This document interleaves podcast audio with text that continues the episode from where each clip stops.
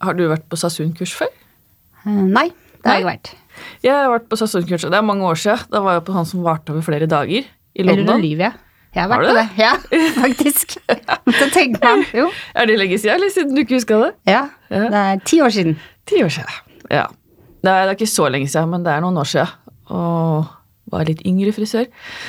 Uh, vi var der over flere dager og lærte hands on og visninger og Ja, det var skikkelig, skikkelig, skikkelig bra.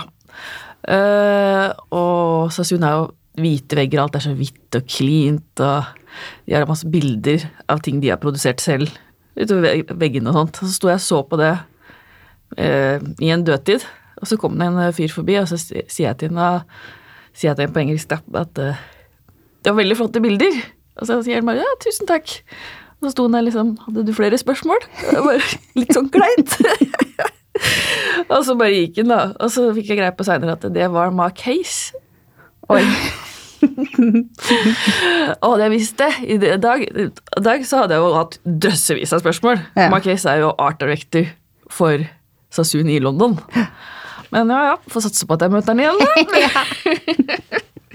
Hadde vært veldig kjekt, det. Ja, var det. Ja.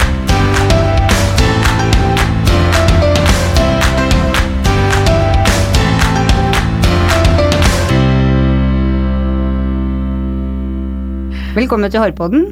Jeg heter Renate. Jeg heter Ann-Marit. Ja, åssen har din uke vært, Renate?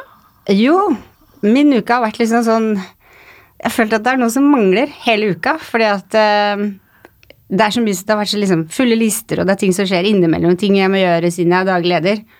Og så har jeg en lærling som jeg lager agenda til hver uke. Og så får hun drive med masse ting som er morsomt, som jeg har lyst til å stå og gjøre sammen med henne. Og så får jeg aldri tid til det. Og det er? Veldig kjipt. Det er det, altså.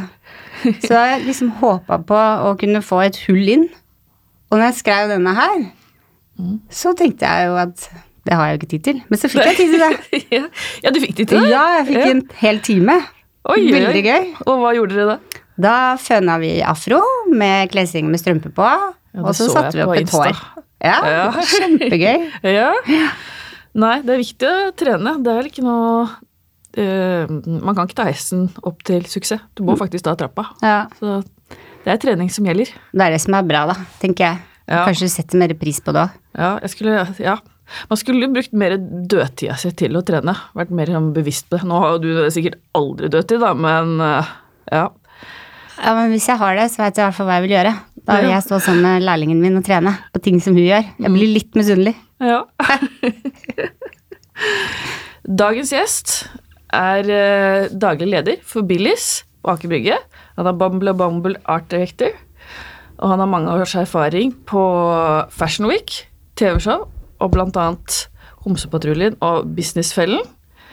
Og han har uh, jobba for annet Vogue, og han vant eh, prisen for Årets avantgarde i 2016. Velkommen til oss, Birger Løking. Takk, takk. Hyggelig å være her. Veldig stas at du er her i dag. Jeg, er egentlig, altså, jeg eier Billis, men jeg har en oh, ja. leder som, øh, som jobber der. Ah, ja, beklager det. Nei, nei, nei, det går fint. Jeg blir jo mer eller mindre det òg, som eier. Så du, ikke, så du har, har ikke alt, liksom? Du er ikke overmenneske og får til både Nei, det det hadde rett og slett vært litt vanskelig å Ja. få til hvis jeg skulle gjøre alt av rapportering og absolutt alle tingene som en daglig leder gjør. Ja, Ja. ikke sant? Mm. For det vet du er mye arbeid. Ja, det er veldig mye Det arbeid. veldig mye arbeid. Du har liksom Den aldri verste- fritid. Den verste jobben i enhver bedrift. Så du anbefaler å eie, da. Det er kanskje enda hardere jobb. Oi. Det er kjempegøy når det går bra, da. Ja, ja, det er sant. Det er sant. Ja, men det er mye jobb. Ja, veldig mye arbeid. Men veldig gøy, da. Veldig, veldig. Det er veldig morsomt. å Ja, være med ja. å styre og Ja, er du gæren. Jeg må sitte Jeg må ha hendene på rattet. Hvis ikke, så trives jeg ikke. Må ha kontroll. Jeg må ha kontroll. Men kan ikke du fortelle litt om deg selv? Ja, du begynte jo. Jeg har jobba i eh, mange, mange år. Begynte læretida i 1988, så det begynner å bli 30 år siden. 31 år herregud. Å, nei, det var litt mange store tall tidlig på morgenen. Um, så jeg jobba som frisør. Uh, gikk læretida her i Norge, så begynte jeg ganske tidlig å farte ut. Så har jeg gjort i ulike perioder gjort mye rundt forbi. Moteuker og ja, Holdt mye kurs. Vi snakka så vidt sammen litt før vi begynte her, og det, du gjør mye mer enn det jeg visste i det hele tatt. Med både TV og radio og Ja. Ja, jeg har iallfall vært innom veldig mye. Jeg, eh, som dere sa, jeg var med i Homsepatruljen en periode som, som åpna opp veldig mye dører. Og da jobba jeg lenge i media etterpå. eh, Både i TV og radio. Så jeg har gjort ganske mye forskjellig. Det var et veldig stort program, da. Eller, Ja, det ble veldig stort, så det ble liksom åpna opp Ja. masse porter. og eh, Før det så var jeg kjent i frisørbransjen. Etter det så ble jeg liksom kjent i hele Norge. Det var gøy. Altså, det var det som liksom åpna opp for uh, Ja, til din altså, kjendisfrisørstatus. Ja, sånn kjendisfrisørstatus. Jeg var vel en kjent, veldig kjent frisør innen bransjen før det. Jeg gjorde det meste av moteserier i Norge på 90-tallet mm, før Det var derfor jeg ble kasta til å gjøre Ja, det var det- akkurat det jeg tenkte. Ja. Ja. Så, og det her var før sosiale medier, før den tida vi lever inne. Føler meg plutselig veldig gammel. Du ser ikke Det var, gammel ut. det, det, det var masse magasiner. Det Ja. var liksom utallige magasiner å jobbe for. Det var en helt fantastisk periode. Ja, det før det digitale kom inn og ja, gjorde alt veldig ustabilt en periode. Liksom vanskelig å vite hvem som produserer innhold i dag. Altså, alle produserer eget innhold. På den tida så var alt veldig statisk. Så du måtte ha et forlag, du måtte ha et magasin. Og det gjorde det både veldig krevende, fordi du måtte ha kontaktnettet. Det var ikke bare å lansere seg sjøl, men du måtte jobbe deg opp. Men så var det Når du hadde det kontaktnettet, så hadde du liksom hele Så vi var en gjeng som gjorde nesten alt som var mot i Norge. Ikke sant? Veldig Hvem hvem var den gjengen, om jeg kan spørre? Det var, på den tida var det Jeg kom inn i Adam og Eva. Da var det liksom Cato Stenerud, Rune Myrhaug eh, Den gjengen som Ja. hadde regjert veldig lenge. Og så kom jeg og Barbro Sørlien, etter hvert Erik um, Thorsen. Erik Thorsen begynte som assistent for meg og Barbro og jobba seg opp på den måten. Så det var sånn man jobba seg opp før. Nå er jo Erik veldig etablert og veldig stor, og etter han kommer det mange Lars Eitran og andre. Så det er veldig morsomt å se. Nå i dag så er jo norske frisører på topp i verden. Du, du kommer inn uansett hvor man kommer backstage, så er det veldig mye skandinaviske og kanskje særlig norske frisører. Så nå er vi virkelig i toppen. Heia Norge, liksom. Ja, heia Norge. Ja, Jeg må bare si når jeg gjorde, begynte å gjøre moteuker, var ingen skandinavere. Jeg var den eneste nordmannen i årevis. Så du har banna vei, du, da, for alle Nei, det andre? vet jeg ikke. Jeg gjorde det, jeg bare kludra litt til. Jeg satte opp masse sånne hinder i veien. Nei, det gjorde ikke det. Du satte ned flagget. Ja, det var det du gjorde. Ja. Men er det sånn at du blir liksom kjent igjen på gata, liksom? Eh, Det er alt. Det er alt, ja. Det er, alt. Det, det er, det er veldig Det er litt sånn avhengighetsskapende. Ja. På ene sida så blir du litt sånn um, alle, som, alle som er kjente, de er det fordi de er ekshibisjonister på en eller annen måte. Hvis ikke så ville du ikke vært det. Um, så det er sånn både helt fantastisk og litt irriterende samtidig. Og så blir det en sånn metningspunkt, tror jeg. Fordi det handler jo ikke om deg. Så det var det jeg skjønte. Jeg er så egosentrisk at jeg skjønte at det egentlig ikke handla om meg, så syntes jeg det var irriterende. Da var det slutt, liksom. Ja, faen. Ja, da gidder jeg ikke mer. Nei, jeg fikk mine 15 minutter. Det, det holdt jeg. Nei, men det, det, jeg syns det er mye morsommere sånn som nå, og sånn som det var før Homsepatruljen, så er jeg en kjent person for det jeg gjør, innenfor de som er interessert. Ikke sant? Så Ja. frisører vet hvem jeg er, og det syns jeg egentlig holder. Det å være sånn en del av den kjendiskulturen, det syns jeg blir litt det, blir, det, det er egentlig bare noe du får som en bonus fordi du er veldig flink til noe. Men jeg syns det er veldig behagelig å slippe unna alt det surret nå. Jeg fikk det, og det var nok da. Så jeg er veldig fornøyd med sånn som jeg har det nå. Men det var liksom Homsepatruljen som gjorde at du ble liksom kjent for sånn allemannseie, da. Ja. Ja, og det er det jeg mener. mener. Ja. Det så var jeg bare kjent i frisørbransjen, og nå etter er jeg også det. Og det syns jeg egentlig er mye mer behagelig. Mm. Mm. Det er veldig fort å miste seg sjøl opp i en sånn Oppi festen? Ja, i festen. Og det blir Ja. liksom det- Og så blir man litt avhengig av den oppmerksomheten, og det er en veldig lite sjarmerende ting. Det var liksom datidens likes. Liksom, unnskyld, vet du dere hvem jeg er? Ikke særlig charming. Eh, men du har gjort så mye, mye spennende. Hva er det mest spennende du har gjort? Åh, jeg, jeg, ja, jeg, jeg Jeg syns jo jeg har vært veldig privilegert som har fått lov til å eh, jobbe med det jeg har jobba med i så lang tid, og at jeg får lov til å gjøre interessante ting så lenge. Så jeg syns jo hele jobben min Jeg tenkte på det liksom drømmene mine da jeg var liten. De var mye mindre enn virkeligheten ble sånn nå i retroperspektiv, må jeg si. Fordi jeg visste ikke at jeg kunne jobbe med de tingene jeg har faktisk jobba med. Det ante ikke jeg når jeg vokste opp i Hokkvik. Jeg ante ingenting om det. Så veien blir liksom til, da. Men det mest spennende Hvis jeg skal ta sånne enkeltjobber, fordi jeg liker å jobbe med mennesker over lang tid Så designere har jeg jobba med veldig lenge. Leila Hafse jobba med siden vi starta. Uh, mest spennende jobben må være opptak i Nepal, på øde fjelltinder i Nepal. Sånn, uh, vi var i fem dager på opptak Ja. på forskjellige plasser. Helt fantastisk. Nydelig. Det er en gave. Ja, ja, det vil jeg tro. Mm. Hvordan foregikk det opptaket? Oh, det var eh, den mest krevende jobben, den mest spektakulære jobben. Um, og det blir litt sånn som dere vet når man jobber med det man gjør, så det ser veldig fantastisk ut på bildet, men virkeligheten er ofte litt annerledes. For vi var rundt på forskjellige locations i Nepal og ble flydd med helikopter og kjørt med biler og oppe på øde fjelltinder, så vi hadde ikke strøm. Altså vi, vi gjorde all preppen i Katmandu. Og så reiste vi ut og skøyt i fire dager i ettertid uten å kunne vaske hår, uten å kunne gjøre noe annet enn å Jeg hadde en gassvarmetang, så jeg kunne shine opp tupper. Men preppen måtte sitte i fire dager, da. Så jeg sydde inn løshår og preppa håret. eh, Og tenkte ut hvordan det her skulle fungere da, og adde på i fire dager. For, og så er det jo Det, både, det lukter ganske intenst av håret. Men det skjer noe magisk når man ikke har vaska håret på en stund. Så blir det plutselig sånn Du kan gjøre ting som du ikke kan gjøre med vanlig hår. Du kan liksom ikke preppe deg fram til en sånn struktur. Det bare Det gjør du bare ikke. Du må være på en fjelltind i Nepal for å få det til. Og det var faktisk noe av det mest spektakulære jeg har gjort. Det var nydelig. Ja, Ja. ja det vil jeg tro. Men det lukta ikke så veldig godt der og da, så jeg tenker sånn Ja, rister på hodet. Men det havna var en femsiders spread i italienske Vogue ut av den saken, wow. Så det var veldig vakkert. Ja. Gikk det mye tørrsjampo? Ekstreme mengder med dusj, og du må ha powders for å kunne gjøre det. Ja. Det var kjempegøy. Og tørrsjampo funker jo alltid. ja, det gjør det. Hvordan hadde vi klart oss uten før? Nei, jeg skjønner ikke. Det var der jo fram til Ja. 60-tallet, og så ble det borte. Ja.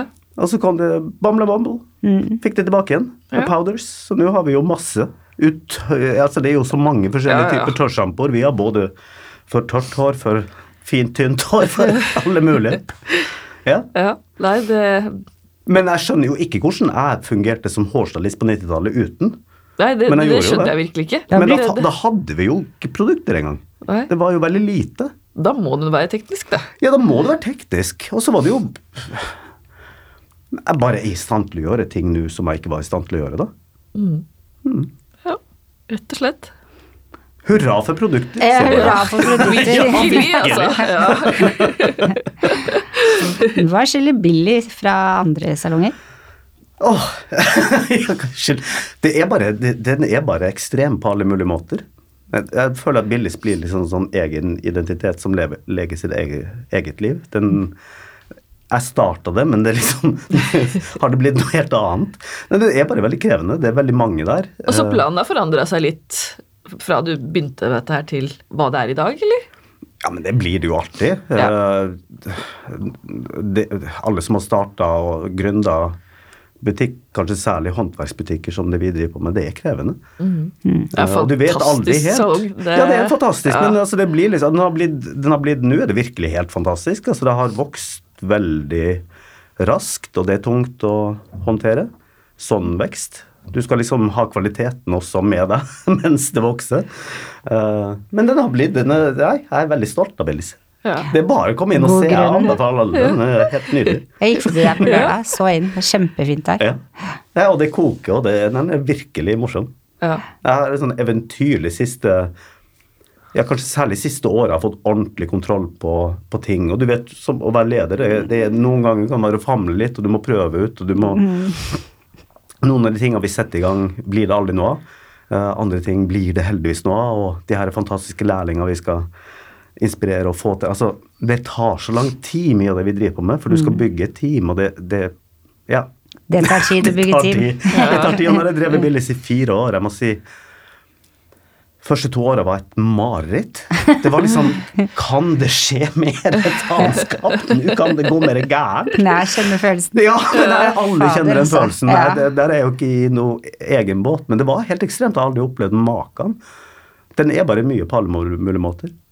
Men de siste to åra har jo vært like fantastisk. da. Det har fått kontroll og virkelig begynt å vokse. Har det vokst så ekstremt siste året. Så nei, nå er det kjempegøy. Ja. Det er alltid sånn. Altså, det er veldig morsomt å drive og gründe når det går bra. Det er veldig kjedelig når det går dårlig. Ja. Sånn er det bare. Ja, det er sant. Men du, jeg må bare spørre deg om, for du snakka litt om det før vi begynte her. Du har drevet med konkurransefrisering, men du drev ikke med det lenger nå. Hvorfor ikke det? Ja, så Jeg drev jo med Alf Johan, som er deres sjef. sjef. Fantastisk mann. Og Line Tangen, hans ekskone. De trente meg Jeg var i ett og et halvt år. Um, men det Det er ikke min estetikk. Jeg må bare si. Altså, Konkurransefrihet Jeg har så respekt for de som er flinke på for du må være så ekstremt teknisk, men jeg syns ikke det, det Det er ikke pent i min verden. Det er liksom ikke det jeg er ute etter. Jeg er opptatt av fashion og kultur.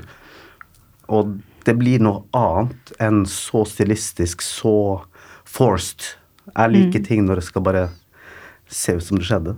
Men sånn Årets frisør og bilder og sånn, er det fashion og kultur? Det er fashion og kultur. Ja, og det var hele utgangspunktet når, vi, når, når jeg var med og, og det var Ulf Skjerpen og Cato Stenerud som starta Årets frisør, eller som hadde tanken om det. Så jeg var med i den arbeidsgruppa som satte det i gang.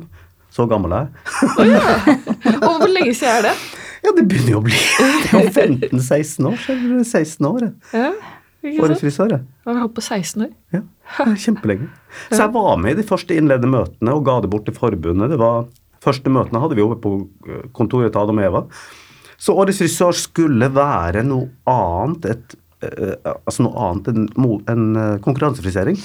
Det skulle være en editor fra et magasin, altså en redaktør. Det skulle være mote. Det skulle være moteretta.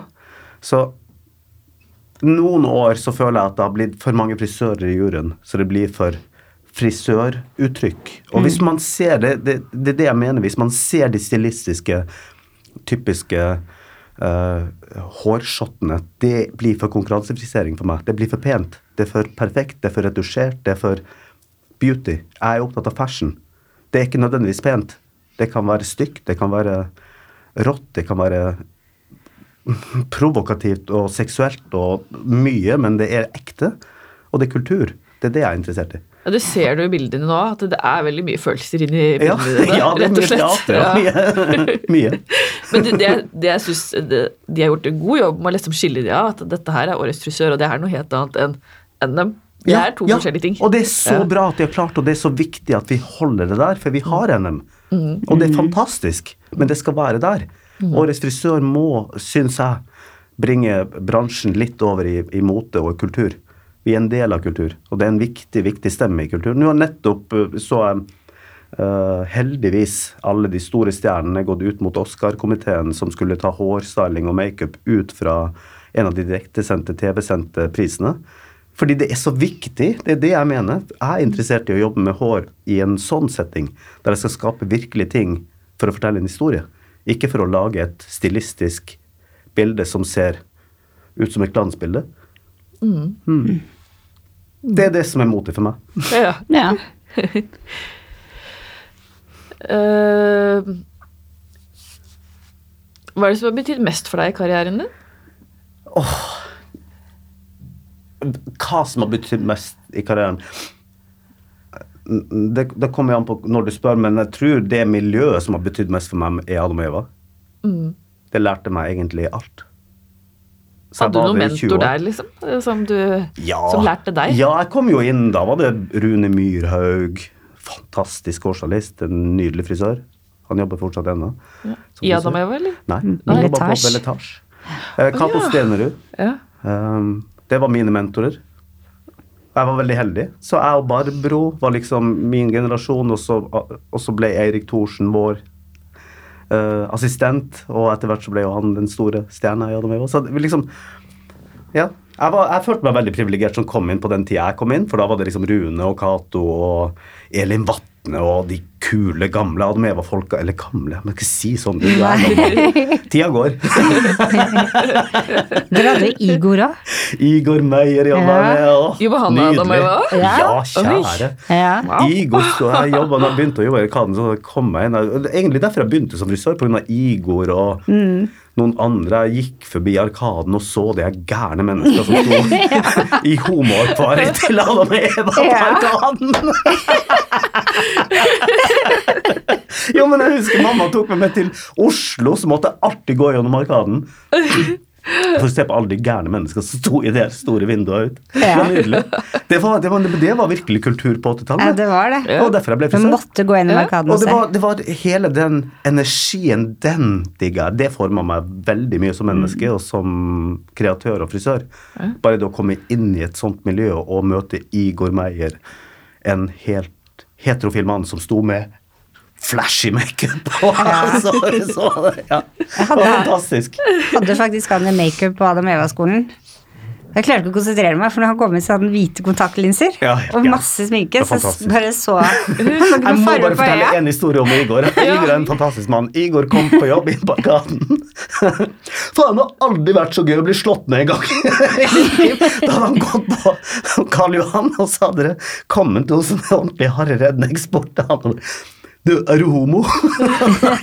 Nei, men hvis du går ned gata der, opp til venstre, og så til høyre, så er det en fantastisk pub der. Der finner du bare Bang!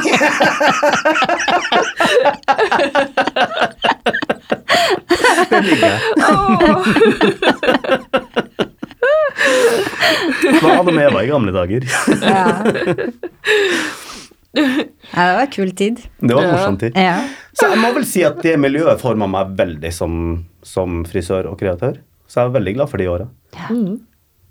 Og selvfølgelig også Bumble and Bumble, må jeg si, etter å ha begynt å jobbe i teamet der. Det er veldig perfeksjonistisk, så det er kanskje det mest krevende. Ja, for du er art director. Hva er din rolle som art director? Eh, eh, Nå er jeg ansvarlig for det uh, Skandinavia. For alle som jobber med Bamble i Skandinavia. Så jeg reiser rundt, eller jeg har egentlig ansvaret for å lære opp de som reiser rundt og besøker salonger i Skandinavia. For vi har agenturer på Norge, Sverige og Danmark. Oi. Ja. Hva skal til for å komme i ditt team? Hardt arbeid. Du må opp til noen tester, og så må du, du må bestå. Ja. Det er stresstester som går på tid, og det, det er noe kunnskap du skal ha, som ligger i bunn for alt vi driver med. Som hva? Jeg kan jo si de helt eksakte stresstestene ja. skal til. Det er en lower ponytail Ja. som er så stram at du ikke Ja, det, dere driver med konkurransefrisering, så dere vet hva jeg snakker om. En, du skal ikke kunne trykke, bevege håret i det hele tatt. Det skal være helt tight. Og det kan være hvor som helst. Det kan være en low ponytail, det kan være en ballerina-topp, det kan være hva som helst, men det skal være perfekt. Uh, double French twist, som er liksom Alexander Paris Det skal være en twist som er så tight, og alt ligger helt perfekt. Så det er noen sånne ting som alle må kunne. Fersen er jo aldri så rent, men du må kunne gjøre det så rent for å gjøre alt det andre. Så, da er det kanskje ikke så dumt med litt konkurransefrisering i Nei, nei, nei, er du gæren? Det, var, eh, så det skjønte jeg jo etter lang tid etterpå, hvor viktig den treninga jeg hadde fra Alf Johan, hvor, hvor mye det hadde betydd for meg seinere. For han lærte meg grunnleggende stylingteknikk. Fønteknikk. Virkelig. Så det skal til for å komme en i teamet ditt? Være en Det skal til. Jeg konkurransefrisør, skal love deg rett at og vi er, slett? vi er ordentlig nerdy på teknikk. Ja. Fønteknikk. I mange år så kunne jo ikke jeg føne. Nå kan jeg føne. Ja. jeg. Jeg vet akkurat hvordan det skal få et hår til å bevege seg akkurat sånn. Men når du holdt jeg på å si, velger ut noen, for det er jo ikke bare de du jobber sammen med. Er det liksom, Finner du de på sosiale medier, eller er det anbefalinger, eller sender vi deg en søknad? Eller? Nei, de må si være sånn. være i nettverket. Ja. Så for å komme inn i teamet, så må du jobbe med Bumble Mumble. Ja, Det er liksom nummer én. ja. Så vi henter jo talenter fra nettverket vårt. ja. Men så er det jo mange som vil, som ikke kommer dit. Nei, du må levere. Jeg er ja. nådeløs. Ja, ja men så, jeg- sånn bør det være òg. Jo, Ja. men jeg tror jeg er like nådeløs som teamleder som jeg er hyggelig Ja. å møte. Sånn, eh, fordi det må bare funke. Hvis jeg skal gjøre en jobb, det kommer 30 jenter inn, og jeg skal ha styla til en visning, har tre timer, da må alle levere. Og de som ikke leverer, de kommer ikke tilbake igjen. De blir ikke å like meg så veldig godt etterpå heller, fordi akkurat i sånne settinger så er jeg ikke så veldig hyggelig. Ja, Er, er du en streng leder, eller?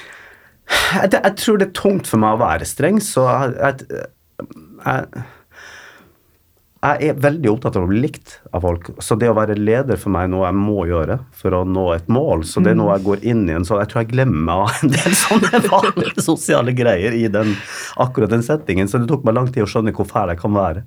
Men jeg mener det aldri. Og så er jeg egentlig veldig hyggelig, og jeg klarer alltid å ordne opp. Så, men så tenker jeg alltid sånn når det brenner, når det står på, så må jeg bare få ferdig. De, de, den visninga skal skinne. Og så tenker jeg at jeg ordner de har tråkka på tærne Etterpå, senere. ja. Men igjen, altså, Ja, men Man må jo det for å komme igjennom og få fortgang i ting òg. Ja, men jeg- også er jeg bare gidder ikke noe tull. Uh, skal du være en del av det teamet der, så kommer du på jobb. Ja. Det er ikke, du, du bestemmer ikke om du er for syk til å være på jobb. Det bestemmer jeg, faktisk. Ja.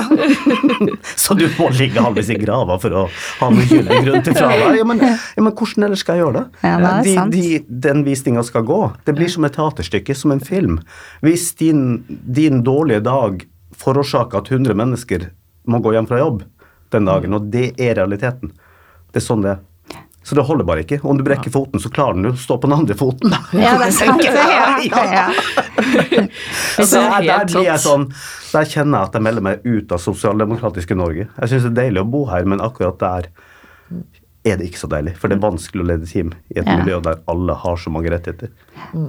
Ja, det, ja. For jeg syns jo at oppdragsgiveren som, som har booka oss til å gjøre den jobben, har noen rettigheter òg. Ja, absolutt. sånn som Men jeg det ser det. jo ikke noe sykdom, og egentlig så finnes det ikke noe sykdom i frisøryrket i det hele tatt. For hva skal Nei, sånn som jeg ser det, fordi Ja. har jeg en Alle har jo altså det, det å være forkjølt er ikke en sykdom for meg. Nei. Den tilstanden. tilstand. Jeg er allergisk, så jeg er forkjølt stort sett hele vinteren. Jeg kan ikke være borte fra jobb for det. Altså, og er jeg borte fra jobb, så er det Da er det fem-seks kunder som har booka tid den dagen de har booka for måneder siden. Jeg har ingen annen dag å gi dem. Jeg, jeg har ikke mulighet til å gjøre om, så det, ha, det går bare utover kundene mine og meg sjøl. Mest av alt meg sjøl og Billis, fordi kunder driter egentlig i det.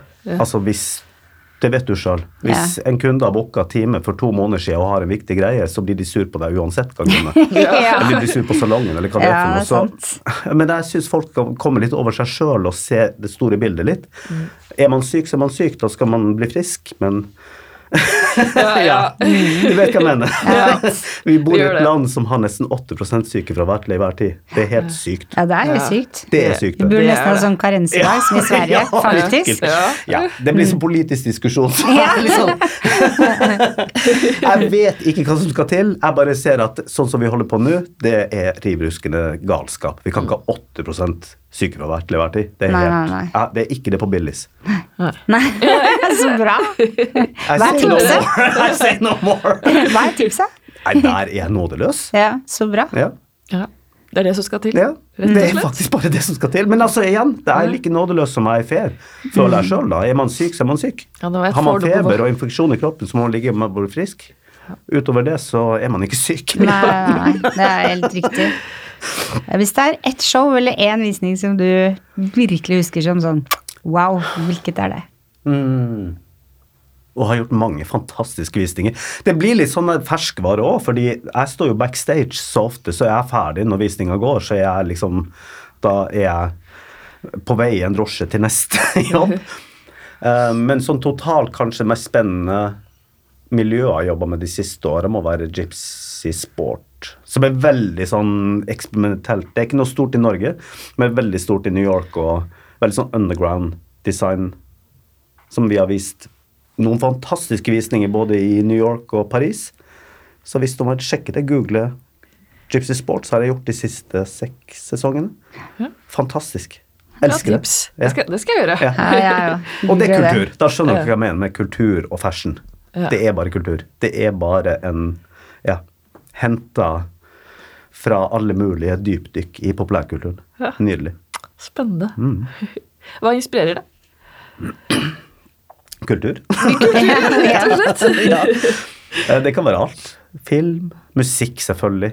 Musikk vil alltid inspirere visuelle mennesker. Jeg vet ikke. ehm, det kommer an på hva jeg skal gjøre. Jeg har vært veldig inspirert av politiske ting, strømninger, punken.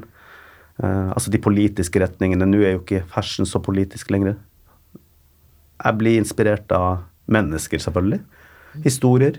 Jeg blir ikke så veldig Jeg, blir, jeg liker ikke å kopiere verken andre eller meg- sjøl. Altså, til en viss grad så gjør vi alle det, men jeg blir mer inspirert av en følelse, en ting, et bilde gir meg, enn en konkret form eller en shape. Ja. Jeg prøver alltid, om jeg klarer det, det blir et definisjonsspørsmål fra gang til gang, men jeg prøver alltid å gjøre det til en kulturell ting. Det er ikke skjønnhet eller perfekte ting jeg er ute etter. Det er noe som ser ekte ut. Er det noe som du har Jeg må være nysgjerrig. Er det noe som du liksom har blitt, eller er det noe du liksom har vært bevisst på at eh, Ok, nå skal jeg ikke kopiere, men nå skal jeg Jeg tror Ta en det har følelse. vært der hele tida, men mote handler om å utvikle øyet sitt og klare å se ting. Fordi når det det med konkurransefrisering, så er det veldig konkret. Ikke sant? Der skal Alt skal ligge riktig. Det skal være perfekt, og det skal være Ja. sånn. Ikke sant? Og så har du til slutt så blir det et spektakulært bilde av det. Motefashion er så subtilt. Det er så små ting som skal til. ikke sant? For det er jo ikke perfekt på noen måte. Alt det kan jo være veldig naturlig. og men det er å klare å fortelle en historie. Det er å klare å skape en troverdig karakter som, som egentlig bare ser ut som et bilde i tida. At det ikke ser utstudert ut. Det er jo det vi alltid prøver på. Uansett hvor utstudert det er, så skal det bare se ut som et lite bang. så det er vel der Ja. Det tok meg lang tid å skjønne hva jeg, så, hva jeg ble inspirert av, og hva jeg var ute etter. Men det var ikke det stilistiske, perfekte, fine konkurransefrisørbildene. Men fashion blir liksom de her små. Jeg tror når du ser de, noen av de beste filmene Quentin Tarantino klarer artig å skape så utrolige, dype karakterer som jeg tror på fra første stund, men de er sære og helt vanlige. Yndlingsforfatteren min da jeg vokste opp, var um, John Irving, som også er noe av det samme.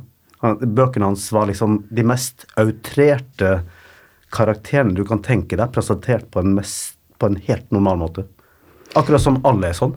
Ja. Og det elsker jeg, for jeg har alltid følt meg som et utskudd. Men den første Quentin Tarantino-filmen jeg så, der trodde jeg var en kjærlighetsfilm. True Romance. Ja, det er ikke mye kjærlighet! Jeg var helt sjokka. Ja. altså, så Det er nummen. Knyttneveslag. Den var så bra. Mm. Og så mange kjente skuespillere som ikke var så kjent da. Det er Helt rå film. Helt nydelig. Men det, da skjønner du hva jeg mener. Ja. Fordi det du sitter igjen med, er en sånn rå ektehet. Ja. At du tror på historien. Det, det, du så bare Du så bare tilfeldigvis et innblikk i andres liv. Mm. Det er mote for meg. Det er kultur for meg. Det er kultur, ja. Ja, dette har virkelig vært inspirerende podkast, altså. Men nå har vi kommet til spalte som er faste spørsmål. Hva er dine hårrutiner? jeg, eh, jeg liker ikke noe ting ser for gjort ut, så jeg liker ikke å være sånn 50s-føna sjøl. Jeg har vært det i perioder, men jeg liker å se litt sånn messig og ugjort ut. Så da handler alt om å ha riktig produkt i riktig tid.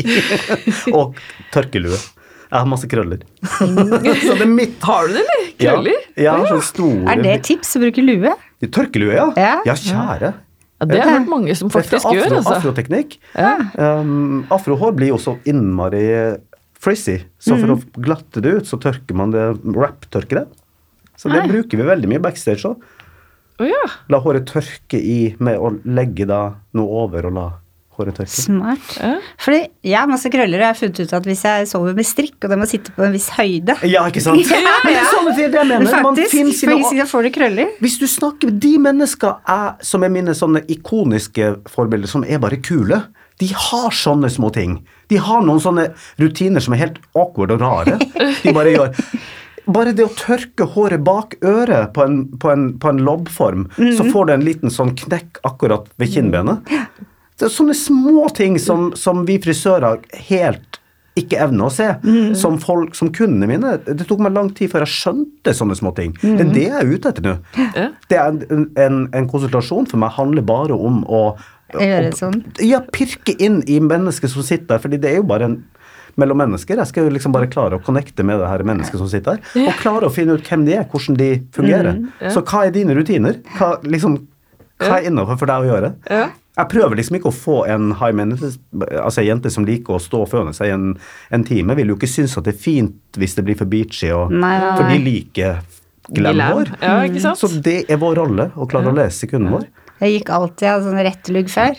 Ja. Hvorfor ikke få alle de vervene og krøllene og alt? Da så gikk jeg alltid med sånn Bjørn Borg pannebånd. Ja, og det tørke med. Ja, men De spurte du meg alltid hvorfor går du sånn, hvorfor går du sånn? Tørkelue Ikke med, for da satt luggen perfekt. Så enkelt, men allikevel så vanskelig. I Bumble så er det veldig Vi har veldig mye sånn don't blow it-produkter. Ting som bare skal has i for å gi, gi riktig følelse når håret har tørka. Og det er veldig mye min approach til ting som er pent. Det skal se mest mulig ugjort ut. Bare se dritkult ut. Ja, bare være kul, liksom. Ja, bare være kul. Ja, rett og Men ikke se ut som man har prøvd for hardt. Ja. Det er vanskelig. Ja. Det er faktisk vanskelig. Ja, det er vanskelig. Det er det. Uh, hva er det verste med å være frisør? Kunden. Nei, men jeg digger jo kunder. Jeg liker jo mennesker, det er derfor jeg jobber med det her. Men eh, det er jo ikke alle mennesker jeg liker like godt. Det verste er de en veldig, veldig konkret eksempel med det verste med å. Jeg har én kunde som kommer til meg og har gått hos meg i ja, siden lenge i Admeva-perioden. Jeg jeg gått hos meg i tolv år, sånn til og fra. Hun kommer alltid tilbake igjen, og hun, kommer, hun begynner alltid samtalen når hun setter seg ned. Vet du, Forrige gang var det helt krise. Det var så Nei. Uansett når hun kommer til meg Altså, En gang sa hun Vet du, forrige gang var det så dårlig. Oi. Og så blir jeg sånn Seriøst? Til slutt siste år meg sa, Men hvorfor i alle dager kommer du til meg? Og så sa hun til meg ja, men det har aldri vært så bra som det hos deg, da. For det har vært enda verre hos alle andre. Oi, oi, oi. Da skjønner du hva jeg mener. Ja. Noen mennesker er jo misfornøyde uansett. Ja, det er det. sånne mennesker. De går ikke an å tilfredsstille. Ja, men det suger meg tom for energi. Det er Ja. så tungt å jobbe med. Fordi jeg er, jeg er en people pleaser. Jeg skulle ønske jeg ikke var det, men jeg er så opptatt av å please. Jeg tror det er derfor jeg blir så grusom i, som, som teamleder, fordi det er så tungt for meg å ikke please noen. at Man strekker jeg må til. gå ut av meg sjøl for å klare å være så klar og tydelig. Så Men vi har alle hatt de kundene der, og de suger energi. Åh, det er det er helt jeg hadde en annen Også sånne rare greier. Jeg hadde en kunde i Arkaden, husker jeg, da jeg begynte å jobbe der. For det begynner jo å bli 30 år siden snart. Det kom inn en kunde som ja, hadde en konstellasjon. Nei, Hun ville se litt sånn hjemmekoselig ut. jeg glemmer det aldri. Og så ble jeg litt sånn Hæ? Ja, du vet, litt sånn peiskos. Ok. Hva er det Hva er for noe? Hva er det? Ja, skal jeg liksom bare sote kaffe i sot på? Hun mente vel litt sånn det jeg mener, da. Askepott. At det bare er casual. Ja. Bare ser fantastisk ut. Ja. Ser ut som jeg bare lå hjemme og ser deilig ut. Våkne. Ja. Hva er det beste med å være frisør? da? Ja, det er jo kundene, da. De jeg liker godt, da. Nei, Nei jeg, er ikke så veldig, altså, jeg liker jo kunder. Jeg liker å lese mennesker. Jeg liker de diskusjonene. Jeg trenger ikke være enig. Mm. Eh, jeg har stor takhøyde for eh, andres greier. Eh, Mm. og jeg håper de har det for mine greier. Så det er vel det. Jeg liker mennesker. Ja.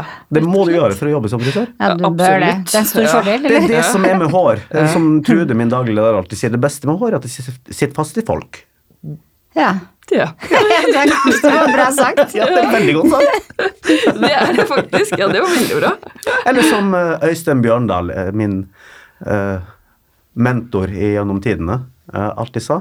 Noen kunder betaler for håret som ligger igjen på gulvet, mens andre betaler for håret som sitter igjen på hodet.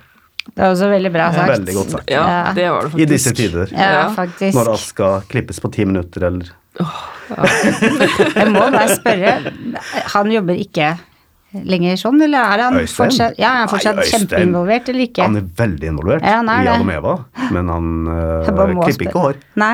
Nei, det er lenge siden. Men Øystein var en fabelaktig frisør. Ja. Åh, og fantastisk menneske. Jeg bare måtte Ja. vite det. Jeg er så nysgjerrig, så må vite alt. Ja, vi har kommet til veis ende. Ja, det har vært veldig veldig inspirerende å ha det her, Det altså. var veldig morsomt å komme. Vil du komme tilbake? Ja, veldig gjerne. Ja, det Inviter meg når som helst. Ja, en liten prat om hår, Det kommer vi til å gjøre. Ja. Vi må jo takke for oss. Ja, det må vi. Takk for i dag. Og så gi oss veldig gjerne masse stjerner på iTunes. Helst fem. Mm, helst Mange fem. ganger etter hverandre. Ja. Da blir veldig gøy. Og takk for at dere hører på. Takk for oss. Takk for oss.